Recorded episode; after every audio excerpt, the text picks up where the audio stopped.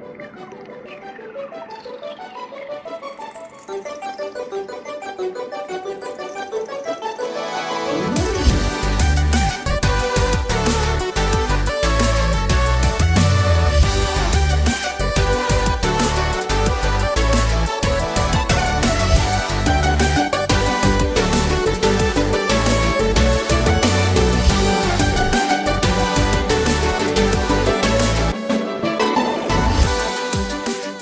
Hjertelig velkommen tilbake til nerdelandslagets Sidequest. Um, det er så gøy. Vi har jo begynt med denne serien som heter 40 store spillselskap. Og uh, det er jo ti ukers eksklusivitet av Sidequest inne på patrion.com slash nerdelandslaget, som betyr at på en måte de som eh, hører på det der, de har jo hørt på denne serien en stund, men det er nå, no, nylig at denne serien på en måte har nådd allmennheten på Spotify. Eh, snakket med Jostein Hakestad om Sega. Og folk har jo gått helt over seg og sagt sånn 'Å, det var så spennende, og det var så gøy å høre om', og sånn. Så det er utrolig gøy å høre tilbakemeldingene deres. Um, jeg håper at det blir en like gøy episode i dag som mange av de andre. Det er jo varierende størrelse på de selskapene vi snakker om. Noen har en kort og grei historie med noen spill man trekker fram, og noen blir altså så svære at det er helt uh, absurd. Og det spillselskapet vi skal snakke om i dag, det faller i den siste kategorien. Og til å få med meg til å snakke om dette selskapet, så har jeg fått med meg, uh, akkurat som forrige uke, Celine Selda Martinsen fra Spelledåsene. Hei! Tilbake hey. igjen. Tilbake igjen. Tilbake igjen. Halla. Nei da. Halla. Halla, damer. Halla. Ja, vi valgte jo Du har kanskje ikke sagt hvilket selskap vi skal snakke om ennå, du? Nei, vi vi skal om... snakke om Men det er alle de som har sett tittelen på episoden. De vet allerede, ja, så jeg vet ikke hvorfor jeg holder det inne. Men Nei. det er altså Electronic Arts, eller da EA, som vi skal snakke om i dag. Ja. For Og her du... var jeg veldig usikker. Ja. Og, for jeg fikk jo en liste av deg, hva skal vi velge? Så skrev mm. jeg at jeg har veldig lyst til å safe på Blizzard. ja. Eh, men vi kan jo ta EA. Ja. For jeg, jeg, har jo snakka med Trip Hawkins, ja, som er grunnleggeren.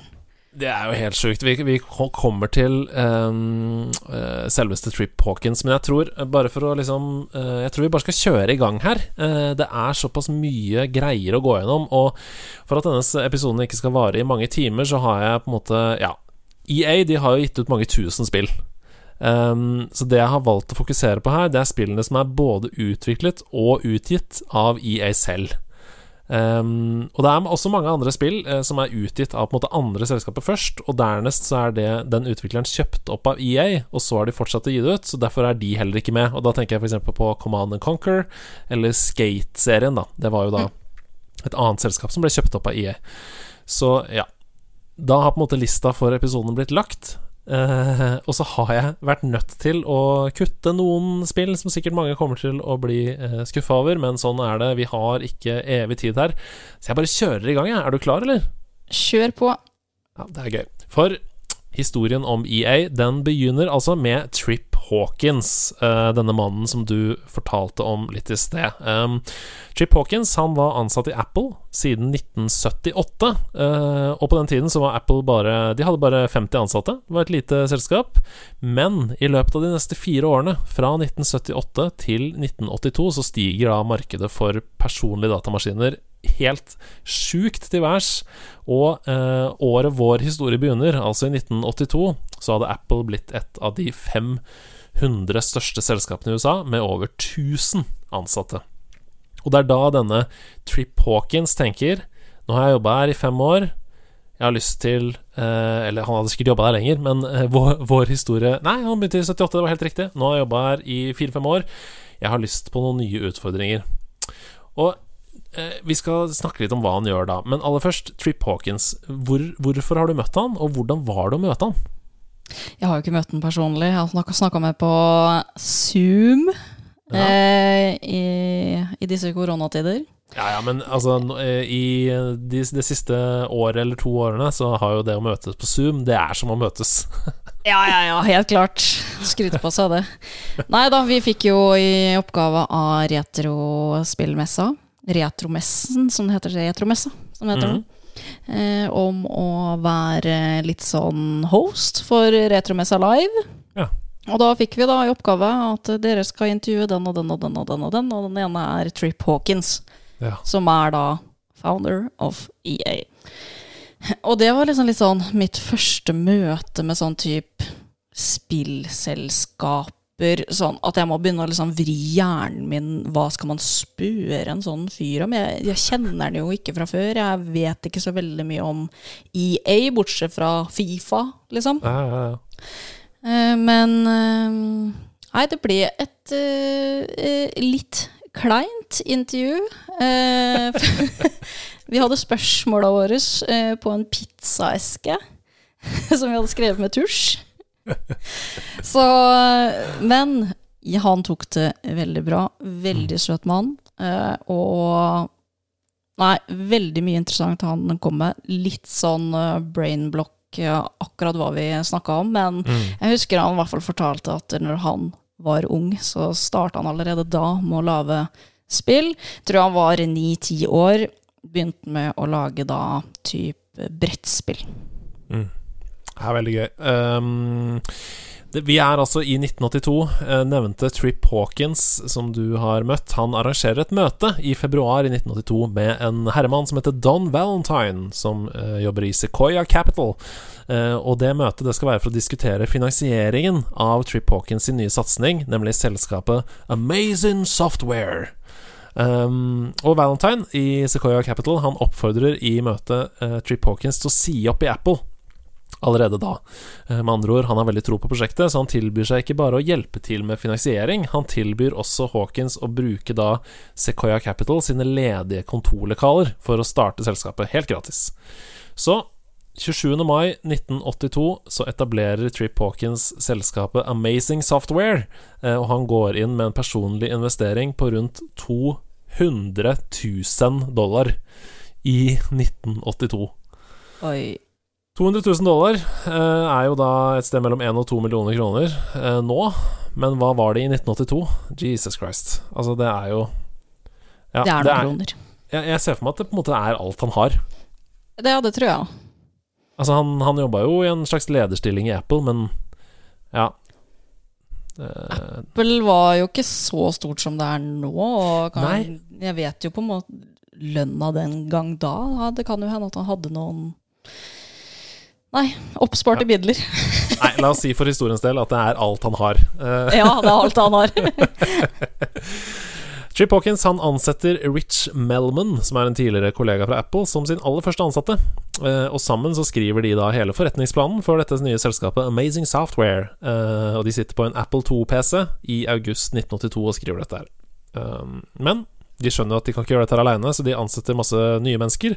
Eh, flere tidligere kollegaer fra Apple, men også folk som Trip har liksom sett seg ut i bransjen, eh, f.eks. fra Atari. Eh, og i da november 1982 så har de elleve ansatte snekret sammen hele planen for selskapet. Eh, og du stussa litt sikkert over at eh, jeg sa Amazing Software, for det er jo ikke det selskapet vi snakker om. Vi snakker om Electronic Arts. Um, men Trip Hawkins selv Han ønska at det skulle hete Amazing Software.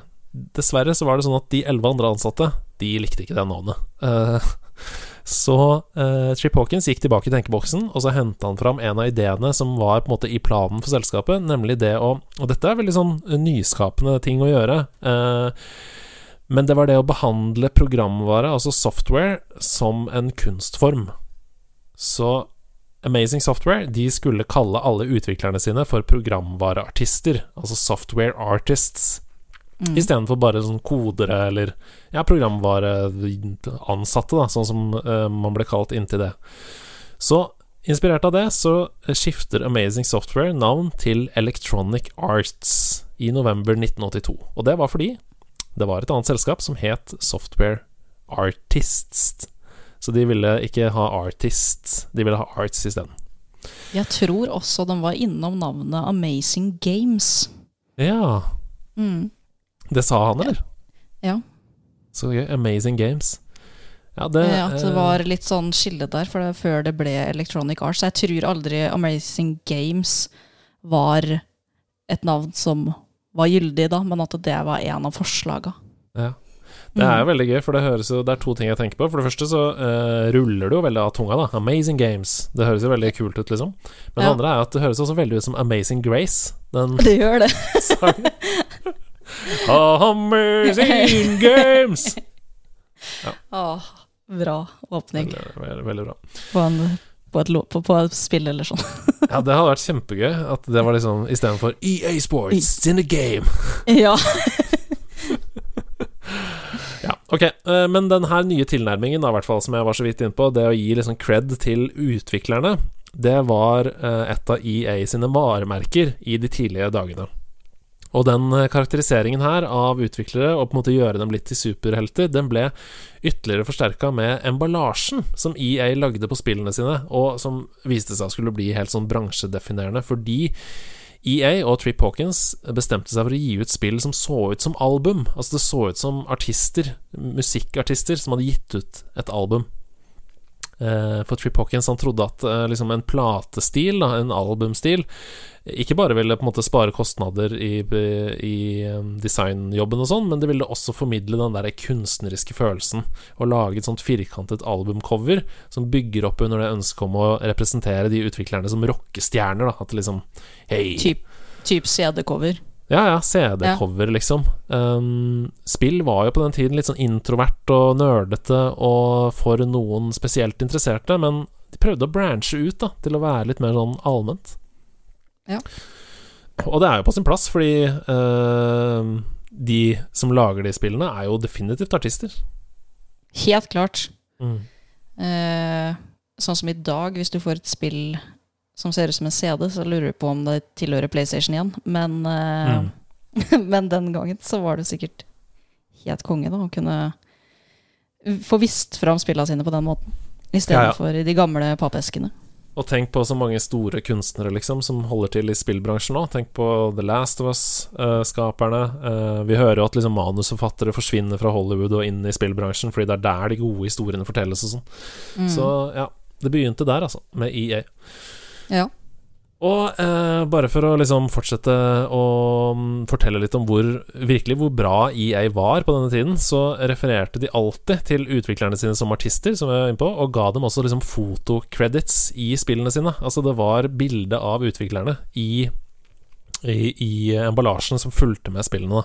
De fikk også masse sånn helsides magasinannonser. EA sin aller første annonse var også den første spillannonsen som hadde bilde av programvaredesignere i annonsen. Um, og så kan man selvfølgelig si at det, ja um, Man kan si mange fine ord, da, men EA de var liksom mer enn bare ord. Uh, I motsetning til veldig mange andre kollegaer så delte de en enorm del av fortjenesten på spillsalgene med utviklerne. Ga det tilbake til utviklerne. Mm. Som da bidro til at det var veldig attraktivt å lage spill for EA. Fordi man fikk jo mye mer eh, igjen for det. Helt klart. Eh, ja. Vi skal snart begynne å snakke om disse spillene som kom ut her, for inntil eh, nå så hadde jo på en måte EA bare vært en publisher. Det var andre utviklere som lagde spillene, eh, og så ble de gitt ut på EA. Um, og forholdet mellom EA og eksterne utviklere ble ofte litt sånn dårlig når de eksterne utviklerne gikk glipp av f.eks. tidsfrister, eller gikk bort fra eh, kreative retninger som de hadde solgt inn da i møte med EA og sånn, så derfor så bestemte Tripp og gjengen seg for å begynne å lage egne spill.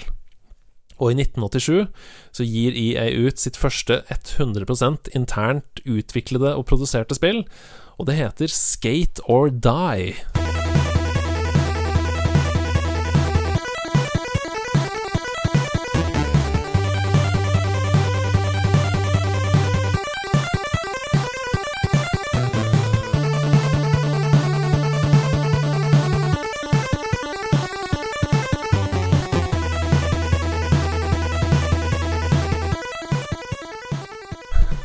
Har du spilt det, eller? Jeg har ikke spilt Skate or Die, Ikke jeg heller. eh, men jeg har sett på video av det. Har, du- eh, ja, du har ikke spilt det? Har du hørt om det før? Jeg har hørt om det, ja Det er jo en Men, sånn eh, dramatisk tittel. ja. Ja. Skate eller dø. Du har to valg. Enten skal du skate, eller skal du dø. Eller så dør du. Men det var vel sånn typisk for spill den, på den tida der, sånn, var det at du spilte, og så døde du. Mm. Ja, det er veldig sant. Det er veldig Ja, sant. det var jo det det gikk ut på. Det var om å gjøre å ikke dø. Fordi um, det er så utrolig mange spill vi skal gjennom, så skal jeg bare nevne litt uh, kort hva Skater Die er. Og det er jo da et skateboardspill, uh, naturlig nok, hvor du kan konkurrere i fem forskjellige events. Um, og det er liksom sånn Du har ramp, to forskjellige ramp-events, og så har du eh, downhill, altså eh, enten race, bare rett mot hverandre, førstemann til mål, eller så har du sånn street setting, sånn jam med å gjøre triks og litt forskjellig sånn. Så det er, det er rett og slett et skatespill som, ja, som allmenngjør spillmediet, da, for et litt sånn bredere publikum, egentlig. Mm. Og kult cover på det, faktisk. Veldig kult. Det er en uh, fet kid med hjelm som henger opp ned i en ramp. Uh, ja, med gul jakke. Ja, Det understreker jo litt det som jeg snakka om, med måten å tenke rundt cover og sånn, da. Um, og hvis man skal tenke en overskrift for EA som selskap, så er jo det at de hele tiden har prøvd å uh, tilgjengeliggjøre gaming for egentlig bredere målgrupper. Mm. Men åssen er uh, kanskje litt sånn off topic, men typ sånn samleverdier og sånn på sånne spill i dag, da? Du, det er et godt spørsmål. Nå vet jeg jo at den øh, første utgaven av det første Super Mario Bros-spillet ble solgt for en helt sinnssykt høy sum forrige dagen. Uh, 600 000 dollar, eller noe sånt. Oh, um, og det var fordi det hadde, det hadde bare ligget i en skuff siden 1986, så det var i helt mint condition. Aldri åpna. Um, og det fins ikke noen Da begynner den skuffen å bli ganske gammel. ja, det er akkurat det ja. Nei, så det var um, Det kan godt hende at det er noe verdi der, altså, men det må jo være helt uh, uåpna mint condition for at det skal være ja. noe verdi. Ja. Men ja, grunnen til at jeg tok opp Skate or Die i utgangspunktet, det er at uh, det spillet, og det gjør det jo kjempebra, og det fører til at EA gjør alvor av Trip Hawkins sin nesten sånn obsession av å simulere sportsspill.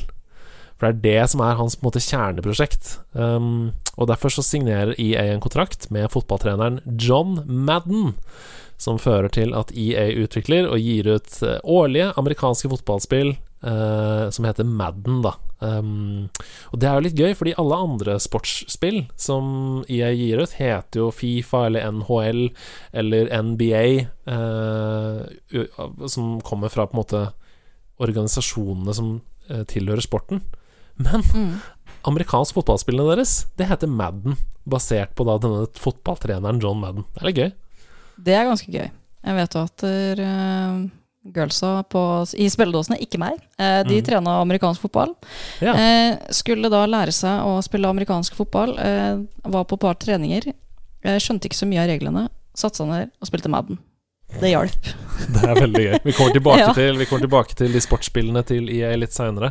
Eh, men, ja. men, ja, tenk deg det eksperimentet, da. Tenk om Fifa-spillene bare hadde hett eh, Beckenbauer 98 etter eh, fotballtreneren Frans Beckenbauer, f.eks. ja. Det er veldig, veldig gøy. Ok. På denne tiden her så begynner EA nå å samarbeide med en rekke store utgivere av spillmaskiner, f.eks. Amiga, Sega, Nintendo, og i 1989 så kommer det virkelig store første gjennombruddet. Oi, oi, oi, oi, jeg får gåsehud på armene av å si det. Det heter SimCity.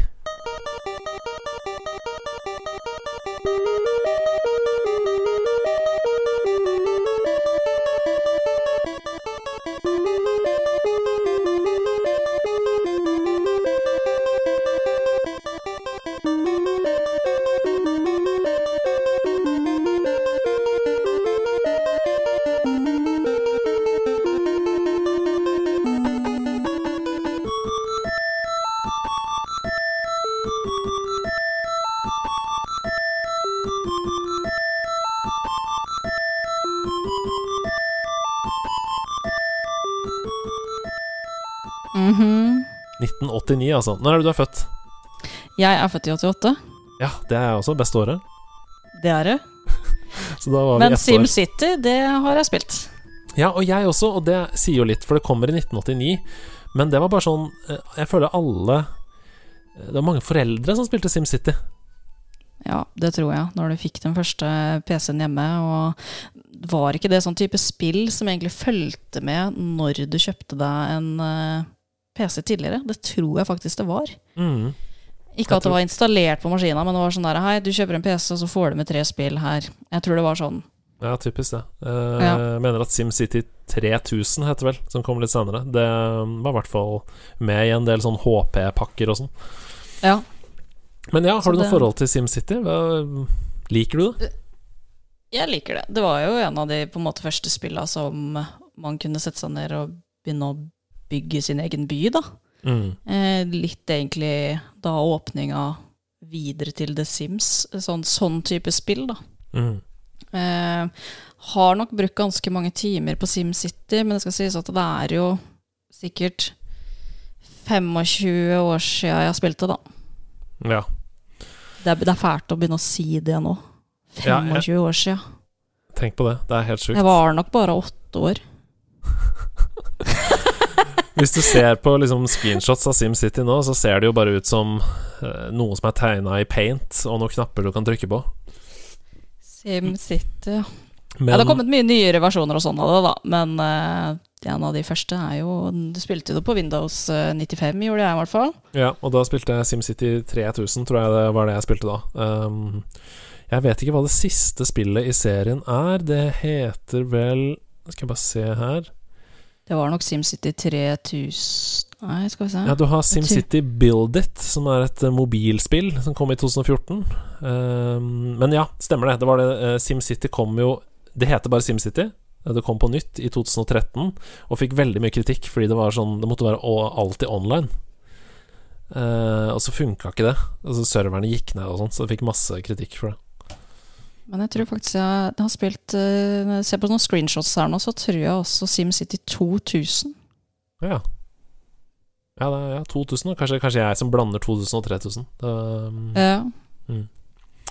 ok, vi må hoppe videre, for vi er jo bare i 1989. Eh, I 1991 så går Trip Hawkins av som CEO for selskapet han starta selv. Han blir da etterfulgt av en herremann som heter Larry Probst. Men la oss ikke snakke noe om Larry Probst. Uh, Trip Hawkins han fortsetter med å starte det nå nedlagte 3DO Company. Og i oktober 1993 Altså Eneste grunn til at jeg vil snakke om dette, her er fordi at de utvikler en uh, spillkonsoll som heter 3DO Interactive Multiplayer. Og den gang så var det den kraftigste spillkonsollen i verden. Um, og EA det var jo selvfølgelig da eh, 3DO-selskapets primære partner eh, og skulle utvikle spill til den konsollen. Men, men 3DO Interactive Multiplayer kosta 700 dollar i butikken. Og Det er helt sykt. det tilsvarer 1300 dollar i dag. Eh, og det er jo helt Det går ikke an. Det går ikke an å selge en spillkonsoll til 12 000. Liksom 10 000-11 000. Du 000. får, du får jo ikke solgt det. Nei, nei. Og spesielt når du tenker på at konkurrentene hadde konsoller til 100 dollar, så ble eh, 3DO en katastrofe, rett og slett. Um, parallelt med dette så kom jo også da eh, fra sidelinja den lille konsollen PlayStation fra Japan. eh, som blir da et billigere og kraftigere alternativ. EA dropper sin støtte til 3DO og hopper rett over på PlayStation. Hele selskapet til Trip Hawkins dør sakte, men sikkert ut, og låser døra for siste gang i 2003. Ja, Det var jo der konkurransen begynte når PlayStation kom. Eh, Rett. de, den konkurransen var enkel, for å si det sånn. Absolutt. Eh, men har du prøvd å spille på 3DO? Ja, jeg hadde ikke hørt om det engang, jeg, før jeg, før jeg researcha til denne episoden. Men eh, bare sånn Jeg tror du prøvde det på retromessa? Å ja, kanskje jeg gjorde det der, ja. Ja.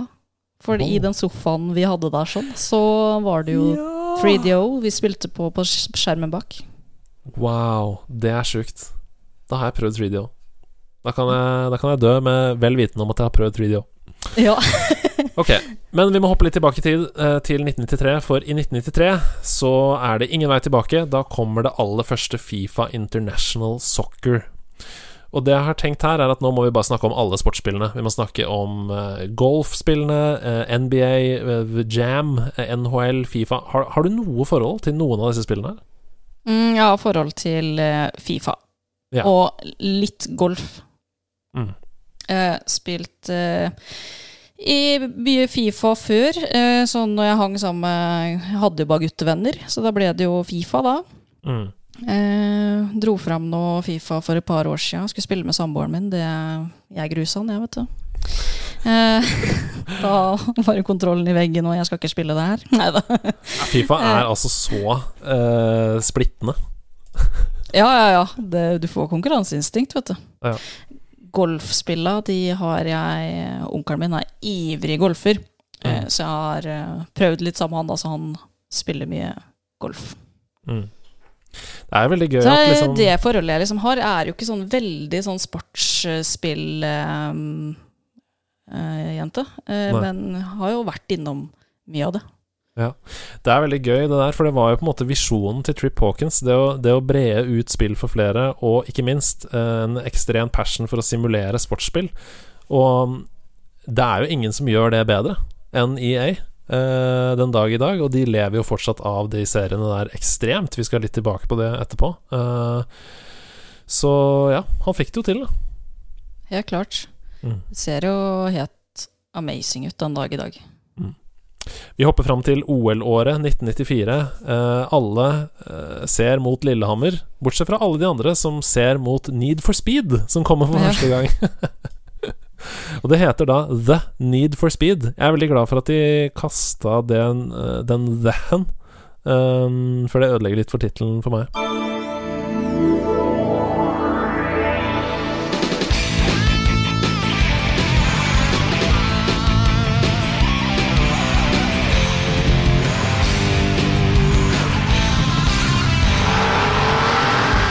Ja, for det var det Need for Speed. Ja, det var det. Ja. Uh, Need for Speed-serien. Det har jo kommet uh, en milliardspill i den serien. Um, har du noe forhold til den serien?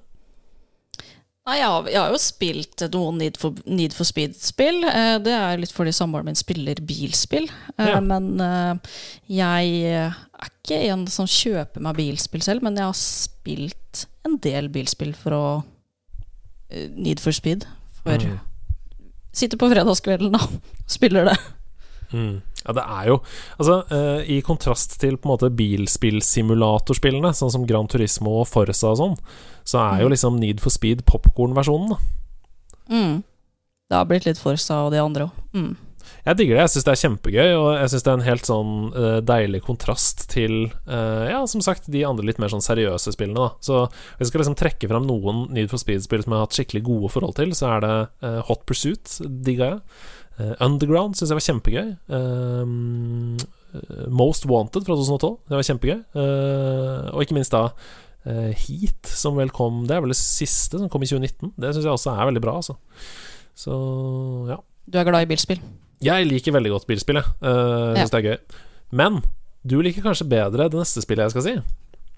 Det kommer i 1997. Da er det VM på ski i Trondheim.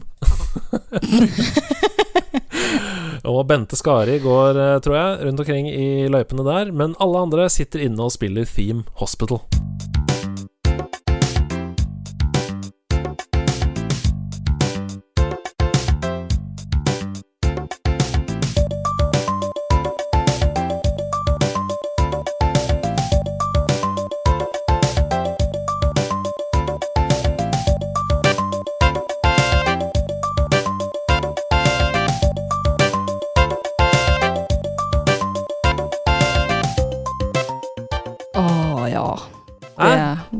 Det, Å, jeg spilte det igjen for litt siden, bare. Ja. Ikke den Two Point Hospital, men Nei, nei, eh, nei. Team Hospital. ja, Camilla spiller det også hele tiden. Uh, hun har hatt lyst til å streame det, men det er litt vanskelig å streame, fordi Streamlabs er ikke så glad i det spillet. Um, Er det ikke? Nei. Uh, nei, vet du hva, det har jeg mange timer i, altså. Det, det var også typ sånn uh, Husker jeg ikke om det var Windows 95 eller 98 som du hadde oppgradert til, som jeg spilte det på. Men uh, det begynner jo liksom å nærme seg 25 år siden, det òg. Mm. Det er Men, så eh, morsomt. Det er et spill jeg kan ta tilbake igjen, og det var liksom på en måte en av de første spillene som hadde svensk tale. Ja, Eh, stemmer og det. det var liksom den, det var den perioden hvor jeg var på en måte så ung at jeg ikke forsto engelsk. Så hver gang jeg skal spille det spillet nå, som jeg har spilt også i ettertid, så må jeg ha på svensk tale. Ja. Hva er det de sier da? Det? Eh, er ikke lov å døde i korridorene. det er ikke lov å døde i korridorene Ja. Det er ikke lov å krekes. altså spy. kaste opp, ja. Ja. Det er veldig gøy. Eh, Neida.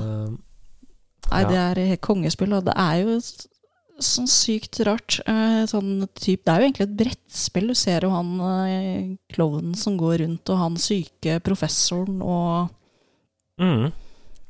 Ja, du, du på en måte Du hopper Du har en spillbrikke, og så hopper du til neste punkt på brettspillet ditt, og det er en bane, da, eh, hvor du skal bygge opp et sykehus, og du har noen forskjellige objectives. eh, og du må kurere pasienter, og du må ansette og sørge for at økonomien på sykehuset går rundt eh, på en sunn måte. Du må ha resepsjonister og vaktmester og operasjonsleger og sykepleiere. Og Og så er det det koster liksom penger driver ja. sykehus. Ja, og så er det masse humor i det. Det er masse diseases som ikke fins, f.eks. bloaty head syndrome. Uh, Den er fin når de pumper opp huet, og så stikker hull på det. Så, Ja. Nei, de stikker hull på huet og pumper det opp igjen, er det? Absolutt, det er det som skjer. Uh, ja, det er veldig mange morsomme sykdommer, og det var Ja, den, på den tiden her så er jo på en måte sånne simulatorspill veldig i vinden, og det å tilføre litt humor um, Det var en uh, skikkelig vinner, og det ble en utrolig stor suksess. Um, vi hopper videre, vi, til Hvis du skal kalle Theme Hospital for en suksess, så må du kalle det neste for en astronomisk prestasjon. Fordi dette spillet kommer altså i år 2000. Vi skriver 2021, og det er fortsatt det er, kanskje, altså det er fortsatt så ekstremt populært, denne serien. Eh, det er et av verdens største spill, fortsatt. 21 år etter. Det er The Sims.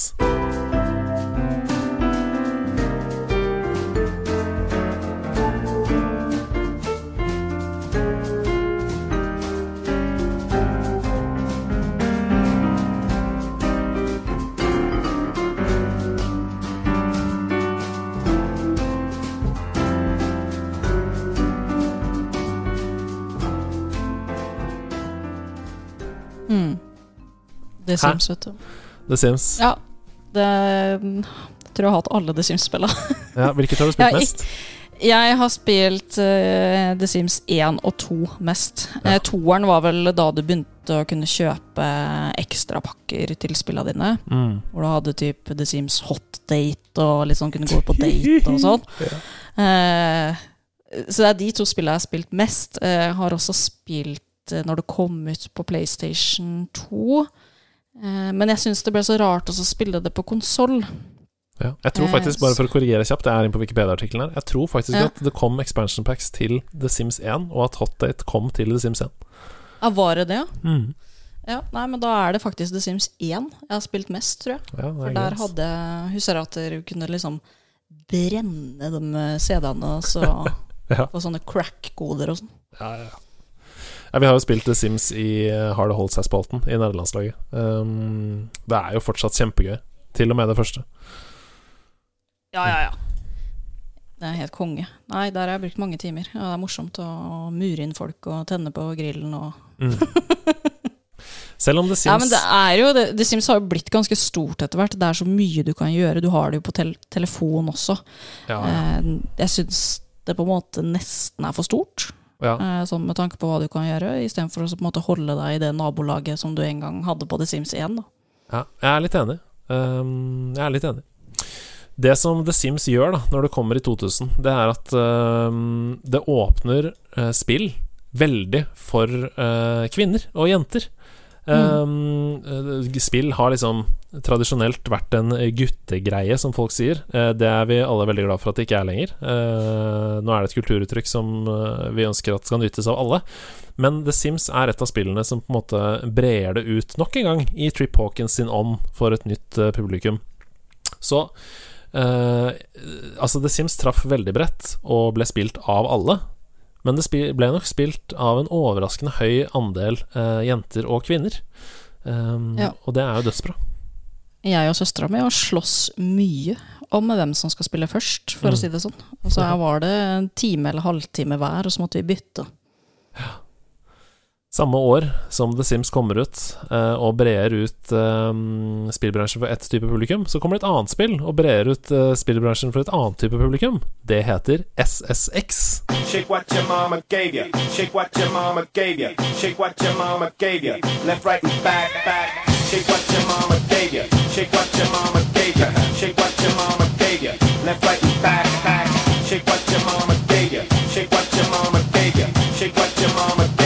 Left, right, and back.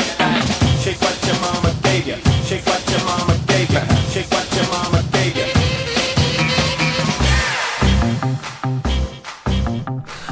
Oh, SSX. Herregud, for et spill. SSX. Ja. Hva er det for noe igjen, da? Åh, det er snowboard! Å, det er snowboard, ja. It's tricky to ride around to ride around That's right on time, it's tricky! Jeg har spilt så latterlig mye SSX, SSX Tricky, SSX 3. Oi, oi, oi, oi, oi. Det er så gøy. Men det var sånn type eh, på PlayStation 2 og 3 og sånn, det. Absolutt. Eh, og Ja. det kom jo en re... eh, altså en revamp i den serien, et nytt spill i serien som bare het SSX. eh, som kom til PlayStation 3, tror jeg. Eh, eller var det 4? Jeg husker ikke. I hvert fall der hvor du kunne bruke wingsuit nedover fjellet og sånn, og det var dritbra. Fortsatt kjempebra. Eh, SSX er helt kongeserie med snowboardspill. Ja, det eneste eh, snowboardspillet jeg har spilt, er vel det som var til Nintendo 64. Eh, hva heter Ah, det? Snowboard Kids? Tur Nei, var, var det den 1080? Ja, 1080 snowboarding!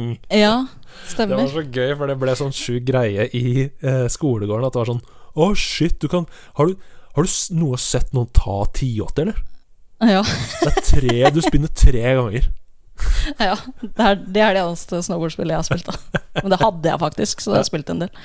Nei, nei, det var dødsgøy, det òg. Det var mye mer sånn simulator igjen. SSX er kanskje Need for Speed, mens um, 1080 Snowboarding er Gran Turismo. Altså det er simulator-snowboardspill, nesten. Ja. Mm.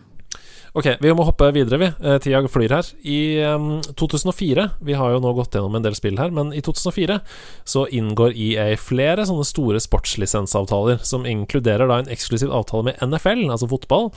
Eh, altså amerikansk fotball, mener jeg. Og i januar 2005 så inngår de en 15-årig avtale med ESPN, altså sports, den største sportskanalen i USA. Og denne ESPN-avtalen den gir EA eksklusive eh, rettigheter til alt ESPN-innhold for da sportssimuleringsspill. Det er ganske ballsy å si sånn eh, her, er fem, her er en kontrakt 15 år. Eh, Det er ganske ballsy. det er sånn, tenk, på, tenk hvor mye som har skjedd i livet ditt liksom, på 15 år. Hvor var du for 15 år siden? Ja, og om det går bra eller ikke, da. Og ikke ha liksom en type en prøveperiode på fem år, da, som fortsatt er veldig, veldig mye. Ja, det er helt sjukt. Um, og det er bare sånn eh, Kommer det til å være populært i det hele tatt om 15 år? Tenk på ting som var populært for 15 år siden.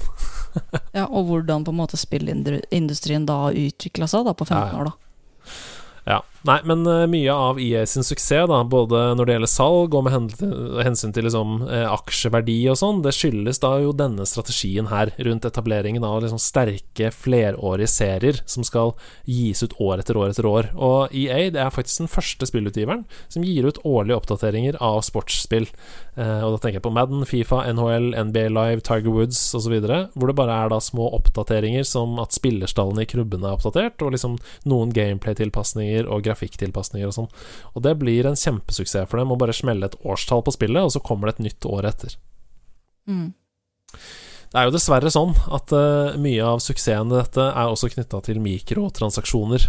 Um, og det skal vi komme litt tilbake til, men vi må først snakke om noen fantastiske enkeltspillerspill uh, som de har gitt ut. Og det første kommer da Eller det første jeg har lyst til å snakke om, det kommer fra 2007, og det heter Mass Effect.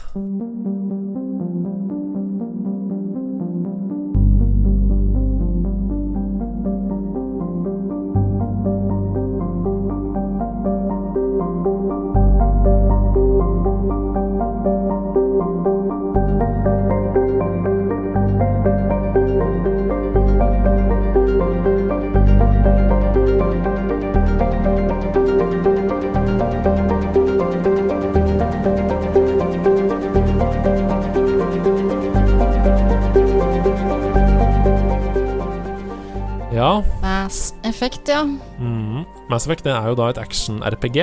Um, hvor du tar valg og altså det, det føles som Destiny møter uh, Detroit Become Human. ja. Er det litt sånn science fiction-opplegg, eller? Definitivt. Uh, Ja. Det er en uh, shooter i verdensrommet. Uh, Singleplayer action-RPG, som sagt, hvor du da spiller som Commander Shepherd. Um, og du kan være enten kvinne eller mann som Shepherd. Um, ja, og så har jeg Jeg har ikke så lyst til å si så mye om det, fordi det spillet er Altså, den spillserien, det er tre spill. Mass Effect 1, 2 og 3. Og det er eh, fantastisk eh, historie som drar deg med. Eh, ja, og hvis du liksom liker spill som The Last of Us, for eksempel, da, så um, Ja, så blir du dratt inn Det er verdt inn i å spille. Ja, ja, definitivt, altså. Når var det det kom ut det første, sa du? Det kom i 2007. Eh, 2007, ja. Og så kom det andre spillet i 2010, og det tredje kom i 2012. Uh, Ja. Men jeg tror det har vel kommet ut i en remaster Det har i hvert fall kommet ut i trilogi Legendary Edition 2021. Mass Effect Legendary Edition kommer faktisk i 2021, alle spillene i remaster. Ja, litt sånn oppussa versjon, da. Da er det kanskje mulig å gi det en uh, sjanse, da. Definitivt. Uansett sånn 2007-spill, det kan fungere ennå, det. Eh, Ja, ja. Selv uten remaster, men uh, Legendary nei, Edition ta med de tre spillene uh, kommer 14. mai 2021. Det er en måned til. Hæ? Oi! Wow. Åh, kommer det på nye Xboxen, eller? Da skal jeg prøve det, altså. Helt garantert. Ok. Uh, 2007 Mass Effect. 2008 Dead Space. Har du spilt det? Nei. Nei. Uh, tre spill. Dead Space 1, 2 og 3. Uh, survival horror i verdensrommet. Det er så sjukt skummelt! Ja, jeg, sitter og, jeg jeg sitter og googler når du sitter og forteller nå, eh, for å å få med storyen her sånn. Det ser jo helt ekkelt ut. Ja, det er forferdelig. Uh, på en god måte, da. Det er um, Resident Oi. Evil horror møter uh, nok en gang Destiny 2 da oppe i verdensrommet. Ja, jeg eh, er jo Prøver å holde meg unna horror, egentlig. Mm. Er det veldig sånn jump scare? Det Ja, da skal, da, da skal jeg ikke spille det. Det trenger du ikke. Du kan heller spille et spill som kommer samme år, som handler om parkour. Og det heter Mirror's Edge.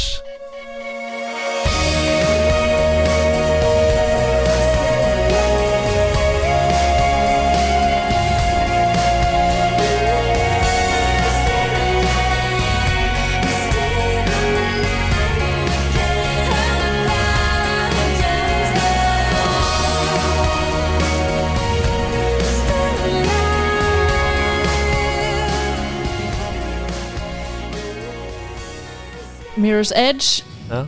Har du spilt det, eller? Ja. ja, det har jeg sett. Jeg har ikke spilt det. Mirror's Edge er så gøy. Det er så gøy. Jeg er uh, kanskje en av de få skikkelig store fansene av det spillet, tror jeg, i verden. Um, for det solgte ikke så veldig bra da det kom, men det ah, Det var noe med det spillet ass, som bare appellerte så sykt til meg. For det første så er musikken helt sånn eh, hjerteskjærende vakker, syns jeg. Um, og så spiller du da som Faith eh, Connors, uh, som jobber i en fremtid som en parkour-courier. Som uh, frakter meldinger fram og tilbake uh, for å komme seg unna bad guys. Og Det ser jo helt amazing ut, da. alt det spillet handler om, er å få en flow, på en måte. Ehm, så du Ja, det er jo parkour. Du skal hoppe, du skal zippe på ziplines, du skal slide under utfordringer. Du må kombinere det med å sparke til fiender på veien, men det blir på en måte som en slags dans, da. Sånn at Åh, så kult. når du lærer deg liksom bevegelsesmønstre, og det sitter skikkelig, så er det bare sånn Det flyter altså så sjukt at du bare Ja, som sagt, det føles som en sånn derre mm, Da trykker X, og så mm, Da da runding under der, og hoppen der mm. Det er så gøy, liksom. Nei, jeg digger det. Men har det kommet til uh, mobil òg? Ja, det har det absolutt. Jeg har spilt det både på um, uh, Men det er kanskje en annen, et annet spill i serien. For jeg har spilt jeg, det gjennom på iPad, men det tror jeg er et annet spill. Det er ikke det første spillet, liksom. Nei, ok. Nei, for jeg så det var uh, utgivet på EA Mobile også. Mm. Mm. Nei, Mirror's Edge 1 Det har jo også kommet et Mirror's Edge uh, 2 som heter Catalyst. Det har jeg ikke spilt. Ehm, det har jeg ikke spilt. Det er 2016. Mm. Mm. Men ja, Mirror's Edge veldig gøy. Det ser konge ut. Det har jeg også lyst til å prøve. Nå lærer jeg veldig mye, jeg er veldig glad for det. Ja, det er konge, og hun hovedpersonen er så kul, så ja. Ok, Ser helt rå ut. fra et uh, bitte lite spill som handler om parkour, til en RPG-serie som blir virkelig sånn Altså, jeg har sagt det mange ganger i nederlandslaget, men folk velger, føler jeg, ofte om de skal investere seg dypt i The Witcher-serien, i uh, The Elder Scrolls-serien, eller i denne serien. Og det er Dragon Age jeg snakker om. I 2009 så kommer Dragon Age Origins.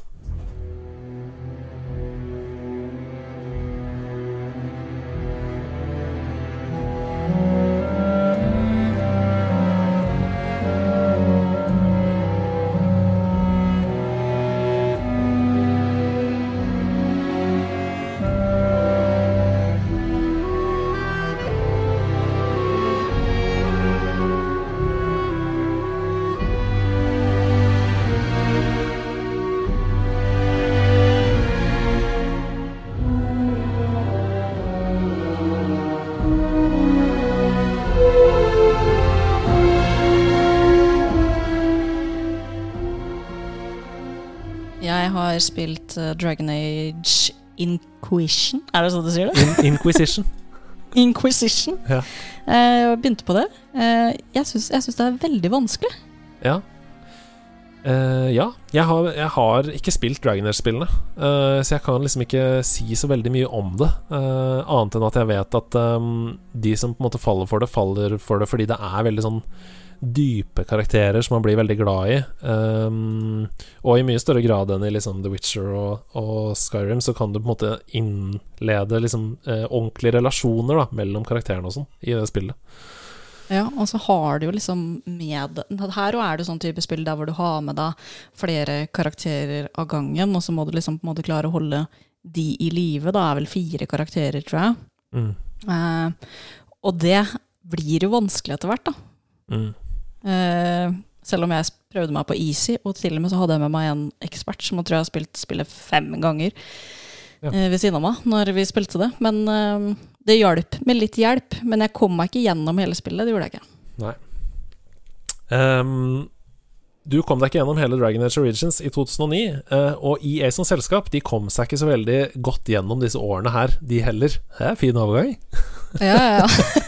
For verden går jo inn i en kjempestor økonomisk krise i 2008. Det er jo finanskrisen, eh, og den rammer EA veldig hardt.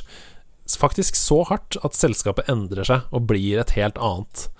For eh, våren 2019 så kutter EA omtrent 1100 arbeidsplasser. Eh, eller da 11% av de ansatte. Eh, og de taper 641 millioner dollar i denne perioden. Da snakker vi penger. Ja. eh, I november 2009, altså bare et halvt år etterpå, så permitterer de 1500 nye ansatte. Som vil si at det er 17 eh, av arbeidsstyrken i, i tillegg til de allerede permitterte, eller oppsagte 1100, da. Så nå begynner på en måte ja, Nesten en tredjedel av selskapet er borte. Um, og Var det her, var det her i 2008? 2008-2009. Uh, Ja. November 2009, så ja, permitterer de 1500 nye, da. Ja, for du, du sa 2019 etterpå, så oh, da ja, var ble, bare, bare ja. Det var bra du korrigerte. Nei, det, var, det er mellom 2008 og 2009. Um, og eh, på grunn av dette her så begynner da en snu Eller som en del av dette er egentlig en snuoperasjon som tar fem år. Uh, og den snuoperasjonen den forandrer EA helt. Uh, I oktober 2010 så kunngjør EA at de skal kjøpe opp det England-baserte iPhone- og iPad-spillselskapet, altså utgiveren Chilingo. Uh, og de kjøper Chilingo for 20 millioner dollar i kontanter, faktisk. Ehm, og det høres ut som de kom med noen sekker med penger og ga til dem. Det er ikke det, er ikke det men det er, ikke, altså, det er bare penger, det er ikke aksjer eller altså de bare, Det bare overføres, på en måte. Og, Vanlig bank. ja. Og 20 millioner dollar, det høres jo kanskje ikke så mye ut uh, når man tenker over at Chilingo da uh, er selskapet som gir ut Angry Birds og Cut the Rope på den tiden, som er de to klart største eh, spillene på iPhone og iPad. Men denne avtalen inkluderer ikke Angry Birds og Cut the Rope. Inkluderer alt annet enn de to spillene. Mm. Så eh, det er mer en slags fremtidig eh, strategi. Altså, de skal fokusere på de neste mobilspillene fra dette selskapet. Men hva var grunnen til at ikke den fikk med seg Angry Birds? Fordi det hadde blitt altfor dyrt. Alt for dyrt, ja. jo, de to spillene hadde jo bare eh, eh, ja, sprengt avtalen. Um, det er ikke sikkert at Rovio, det finske selskapet, hadde lyst til å selge rettighetene heller. Nei, det kan jo godt hende. Men i juni 2011 så lanserer EA da Origin, eh, som er en online-tjeneste for å selge nedlastbare spill, som skal konkurrere med Steam. Um, og i juli 2011 så kunngjør de at de kjøper PopCap Games, selskapet som gir ut Plants vs. Zombies og Bejeweled. Og fortsetter da altså dette skiftet mot da digitale spill. Eh, og du hører jo en slags eh, rød tråd her. De kjøper to forskjellige ganske store spillutviklere for mobilspill. Ja, Mm. Mhm. Vet ikke om vi liker det så godt, men de gjør jo det. Ja. Um, og disse kuttene i ansatte som vi snakker om, de fortsetter for å da endre selskapet med markedet. Det er eh, mindre fysiske ting som skjer, mindre fysiske spill som selges, og flere og flere digitale. Så i april 2013 så sier de opp nye 10% av de ansatte. Og måneden etter så kjøper de alle rettighetene til å lage Star Wars-spill fra Disney. Ja. Ah, det er ganske harde avgjørelser som er tatt her, altså. Um, si opp en tredjedel av selskapet, og så kjøpe rettighetene til Star Wars, liksom. Uh, ja, det er ganske ja, Ja. hardcore, som du sier, å begi seg ut på Star Warsen da. ja, det er ganske hardcore, men det er også ganske sånn uh, safe, da. Altså, Star Wars er Star Wars, liksom. Og Ja. for de som husker den Men- hva, Ja, hva skulle du si? Nei, det, har- det har jo vært mye rare Star Wars-spill, da. Ja, det har jo det. Og de som husker liksom eh, LucasArts-episoden vår, eh, som var forrige, mm, forrige selskap, så er dette rett etter at Disney stenger da LucasArts sin egen produksjon av Star Wars-spill. Um, EA de har denne lisensen fortsatt, uh, og de kjøper den for ti år, så den går fram til 2023. Vi får se hva som skjer da, da. Ja, for, og det kommer vi litt tilbake til. For den omorganiseringen som vi snakker om her, det å si opp en tredjedel av selskapet, eh, revidere markedsføringsstrategien, eh, bytte om til digitale mobilspill og sånne ting, det fører til enorm vekst og også enorm suksess. Eh, og i juli 2015 så når EA selskapets høyeste verdi noensinne, for nå skal nemlig Star Wars Battlefront gis ut. Eh, og det første Mm. spillet, det går greit, men det andre spillet, det blir en katastrofe som forandrer hele spillbransjen. Husker du det her? Nei, det gjør jeg ikke. Nei. Hva skjedde for noe da? Var det det at eh, folk var lei? Nei, Eller var det noe annet? Nå skal du høre, for dette her er faktisk så uh, uh, Altså, det er en så stor uh, hendelse at det forandrer loven i mange land. For EA sin opprinnelige tilnærming til mikrotransaksjoner i Star Wars Battlefront 2 utløser en enorm bransjedebatt om liksom bruken av lootboxer med tilfeldig innhold. Da. Eh, For de som ikke vet hva lootbox er, så er det at du betaler f.eks. 100 kroner for å få ti lootboxer, og så vet du ikke hva som er oppi. Det kan være ulike ting. Det er som et lotteri, på en måte. Eh, Stemmer. Det begynner å demre. og andre spill før dette hadde også implementert lootboxer, uten at noen på en måte hadde klikka av det. Men det de gjør i Battlefront 2, det er at innholdet som er låst i disse lootboxene, inneholder bl.a. pay to win-elementer. Altså, du blir bedre i spillet dersom du får tilfeldige ting. Du får bedre utstyr, du får bedre våpen.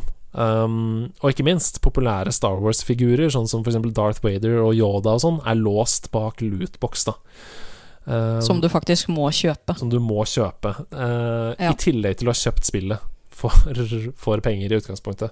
Du har sikkert betalt 700 kroner for spillet, da. Og så må du kjøpe deg lootboxer, fem lootboxer som du kanskje får dem til 100 kroner stykket.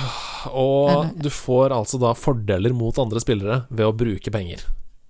Mm. Og det gir en enorm backlash. Eh, så stor backlash at EA angivelig blir da bedt av Disney direkte om å deaktivere alle mikrotransaksjoner i spillet til de har greid å komme opp med en mer rettferdig eh, inntektsordning, da. Så fire måneder etter lansering, i mars 2018, så utvikler EA og lanserer et mye mer rettferdig lootbox-system i Battlefront 2, men det har jo kosta flesk. For det første så er de aller fleste spillerne borte fra spillet. For det andre så har 8,5% av aksjeverdiene i EA, altså omtrent 3,1 milliarder dollar, forsvunnet. Ehm, og debatten rundt dette fører til at lootboxes nå, da, i 2021, i flere land, behandles da som en form for pengespill og reguleres slik at det er 18-årsgrense for en del EA-spill i noen territorier, f.eks. Nederland. I Nederland så er det 18-årsgrense på Fifa. Av at du kan kjøpe deg tilleggsutstyr. Oh yes. Ja. Og hvis ikke det hadde vært for Battlefront 2, så hadde ikke dette skjedd. Så ikke bare så taper de 3,1 milliarder dollar på aksjetap, de skyter også seg selv i foten for all fremtid i mange territorier. Ja. Men det er, det er jo veldig dårlig gjort, rett og slett. Når du har kjøpt deg dyrt, dyrt spill, eh, og så må du, for å faktisk bli best i spillet, så må du legge i mange hundre kroner til, da. Ja. De undervurderer rett og slett eh, markedet her, altså. De tenker at dette går bra, det er ikke noe stress. Um, og det blir en Det ble stress. Ja, det ble stress. For Ja. nedturen den fortsetter da inn i 2019. EA mister 13,3 av eh, aksjene, eh, altså aksjeverdiene, enda mye mer enn de gjorde året før, pga. et enormt mislykket Battlefield 5, som selger én million færre eksemplarer enn det de hadde forventa. Eh, og hovedgrunnen til det er at spillet mangler Battle Royale. For på denne tiden så har spillerne hoppa til PUBG og Fortnite, rett og slett. Ja. Men den aksjen, den hopper 10 igjen, den. Fordi plutselig så kommer EA med Apex Legends, et spill som ingen visste hadde eksisterte. Eh, og Apex Legends det får 25 millioner spillere på bare én uke, og knuser da Fortnites rekord på 10 millioner spillere på to uker.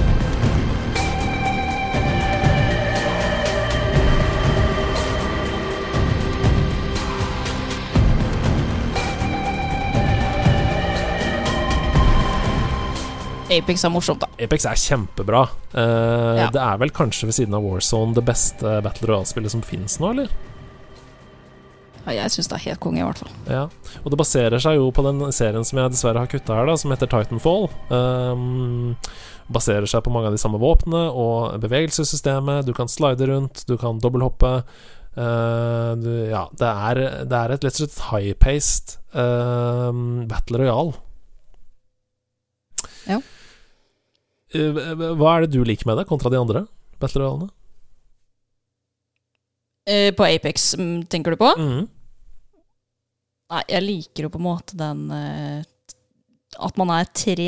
Uh, det er jo man i det andre òg, for å si det sånn. Ja. Men at man eh, Man har jo litt sånn type abilities og sånn. Nå har ikke Mm. jeg spilt så veldig mange andre Battle Royale-spill, men Apex, det å liksom du, Der har du jo healer, du har jo Ja.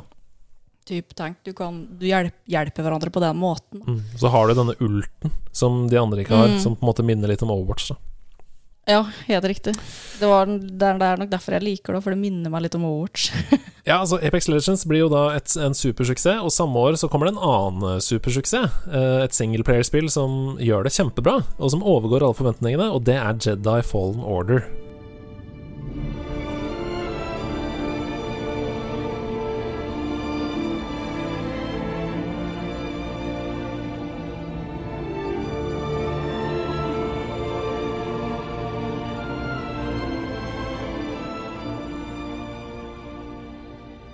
Har du spilt det? Nei. Eh, Jedi Fallen Order, det er Star Wars møter um, Bloodborne. Altså det møter um, FromSoft-spill, rett og slett. Men jeg kan jo si at jeg har det. Ja. ja, jeg har spillet. Nei, det er absolutt Det er bare å det å Altså. få tiden. Tiden, tiden, tiden. Ja, jeg skjønner det. Tiden eh, strekker ikke til. Det er jo sånn det er. Um, Ja. Men eh, Jedi Fallen Order er absolutt verdt å spille. Kjempegøy singleplayerspill. Um, Det ser jo helt amazing ut. Mm. Jeg har sett veldig mye gameplay. Jeg har sett folk streame det. Jeg har sett, sett mye på det. Jeg vet at eh, Kit har vært igjennom det. ja. Det ser amazing ut. Og det er um, Det er eh, så mange Det er så uh, kreativt. Altså Det er så mange muligheter. Du kan, du kan spille det på så mange måter. Um, ja, det er mange måter å løse de ulike fightene på, på en måte. Og så blir det litt som en dans, da sånn som FromSoft-spillene blir. Du lærer deg bossene sine movesets, og så dodger du unna på riktig tidspunkt, og ja, det er gøy, altså. Ja, det syns jeg er kult. Mm. Likevel, da. Selv om det går bra med Apex Legends og, og Jedi Fallen Order, så må EA kutte rundt 350 nye jobber, som er ca. 4% av selskapet. Og nå har vi på en måte kommet til veis ende her. For de aller fleste de har jo lidd under denne pandemien. Men ikke EA. Eh, på grunn av covid-19, og da naturlig nok økende etterspørsel etter gaming, så øker EAs inntekter med flere milliarder dollar i 2020. Men hva rommer Ja. egentlig fremtiden for dette selskapet?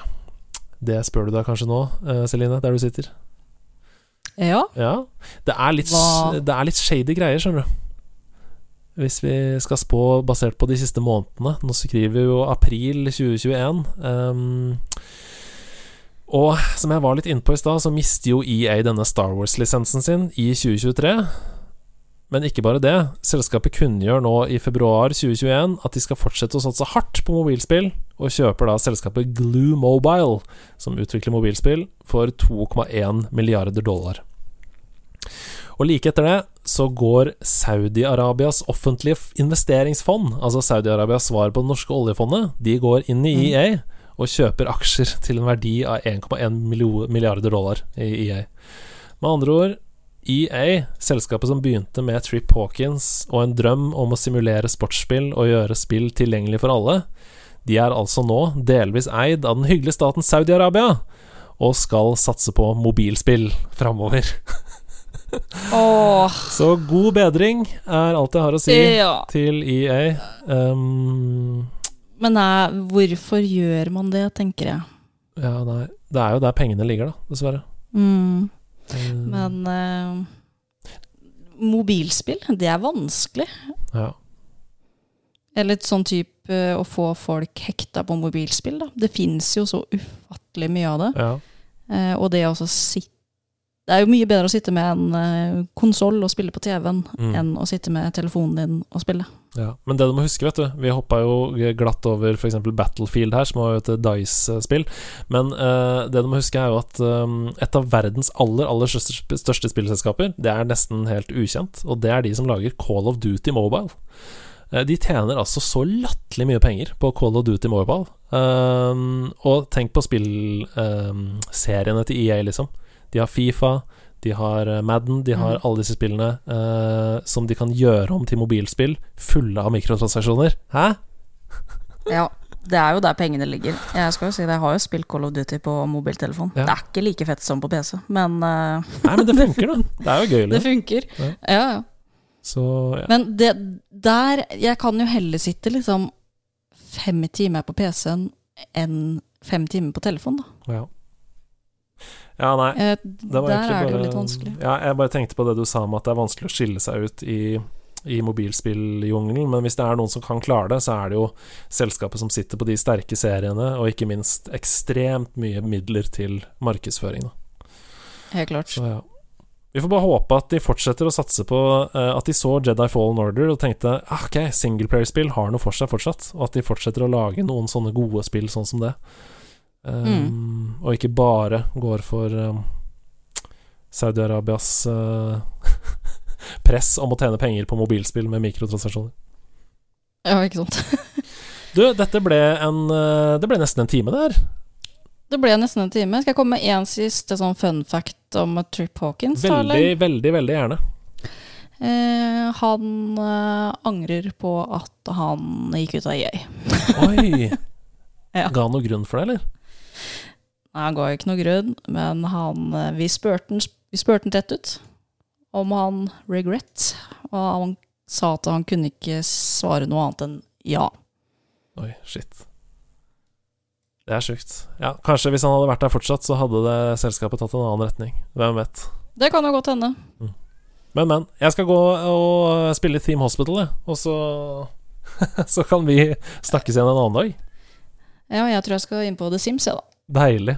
Tusen takk for at du Ja. ville være med, Celine. Det er alltid en glede. Er det noe du har lyst til å legge til helt til slutt, eller? Jeg vil bare si at jeg har lært helt sinnssykt mye.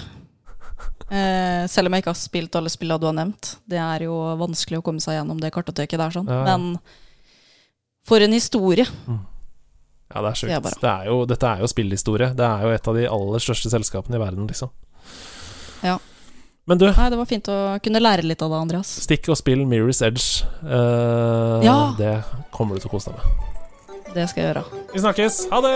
Det gjør vi. Ha det!